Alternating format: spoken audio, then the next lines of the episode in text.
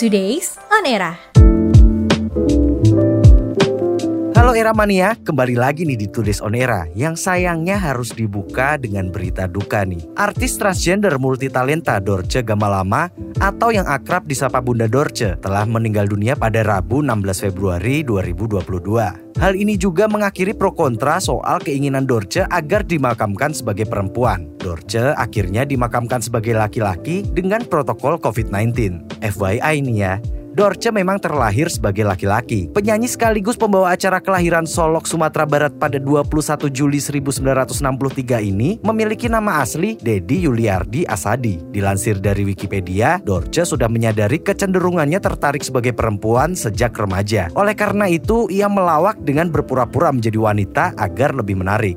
Mirna, Pemimpin kelompok tari waria Fantastic Dolls pun kemudian memanggilnya Dorce Asadi. Pada tahun 1983, ia pun melakukan operasi ganti kelamin di Surabaya. Nama Gamalama diambil dari Gunung Gamalama di Pulau Ternate, Kepulauan Maluku. Bahkan, usai kepulangannya dari ibadah haji, ia juga menambahkan namanya menjadi Dorce Gamalama Halimatu Sadiah. Pada tahun 1990, Barulah ia pindah ke Jakarta untuk memantapkan karirnya di dunia hiburan. Sejumlah judul layar lebar ia bintangi, album musik juga ia luncurkan. Bahkan ia juga memiliki acara sendiri pada tahun 2005, yakni Dorce Show. Tak hanya berkiprah di dunia hiburan, Dorce juga membangun Yayasan Dorce Halimatu Sadia yang dikabarkan merawat 1.600 anak yatim piatu. Sayangnya, kiprah Dorce pun harus berakhir. Ia tutup usia karena COVID-19 dan penyakit lain yang dideritanya di Rumah Sakit Pusat Pertamina RSPP Simpruk Jakarta. Nah tuh, COVID-19 itu emang nyata ya Ramania. Apalagi bagi yang punya penyakit lain seperti Bunda Dorce. Jadi buat Bapak Bupati Karanganyar, Pak, mohon maaf nih, korban meninggalnya udah banyak. Tolonglah Pak peduli. Masa masih aja bilang COVID-19 gak ada sih? Sebuah video yang menunjukkan imbauan dari Bupati Karanganyar tentang COVID-19 viral di media sosial. Gimana enggak? Imbauannya malah ngajak masyarakat untuk menganggap kalau COVID-19 dan varian Omikron itu nggak ada. Atas hal ini, Gubernur Jawa Tengah Ganjar Pranowo pun sampai angkat bicara.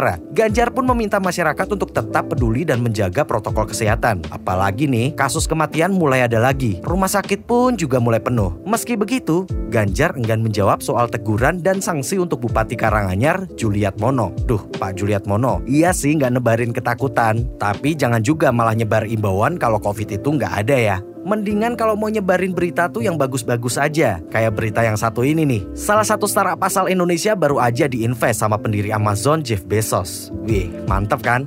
Meski ini bukan kali pertamanya sih Bezos invest di Indonesia. Kali ini giliran Lumo yang dapat pendanaan. Dilansir dari Tekin Asia, Bezos dikabarkan memberikan pendanaan seri C sekitar 80 juta dolar Amerika Serikat. Wih, ini lebih dari 1 triliun rupiah loh Ramania. FYI nih, Lumo merupakan penyedia solusi layanan perangkat lunak di B2C atau direct to consumer atau penghubung bisnis dengan pelanggan. Berdiri sejak 2019, Lumo kini memiliki dua aplikasi, yakni Lumo Shop yang sebelumnya dikenal dengan Toko dan Buku Kas. Startup ini didirikan oleh Krisnan Menon dan Lorenzo Peracion. Partisipasi Bezos sendiri melalui perusahaan yang mengelola asetnya Bezos Expedition. Nah, Bezos Expedition ini juga pernah invest ke ULA. Nah, itu dia Today's On Era hari ini, 16 Februari 2022. Dari kabar meninggalnya Dorce Gamalama, viralnya Bupati Karanganyar yang nganggep kalau COVID-19 itu nggak ada, hingga pendiri Amazon Jeff Bezos yang lagi-lagi invest startup asal Indonesia. Buat kamu yang nggak mau ketinggalan berita seru lainnya, langsung aja ya kunjungi www.era.id. Jangan lupa untuk terus dengerin Eranya Podcast. Bye-bye Era Mania. Eranya Podcast. Now is the era.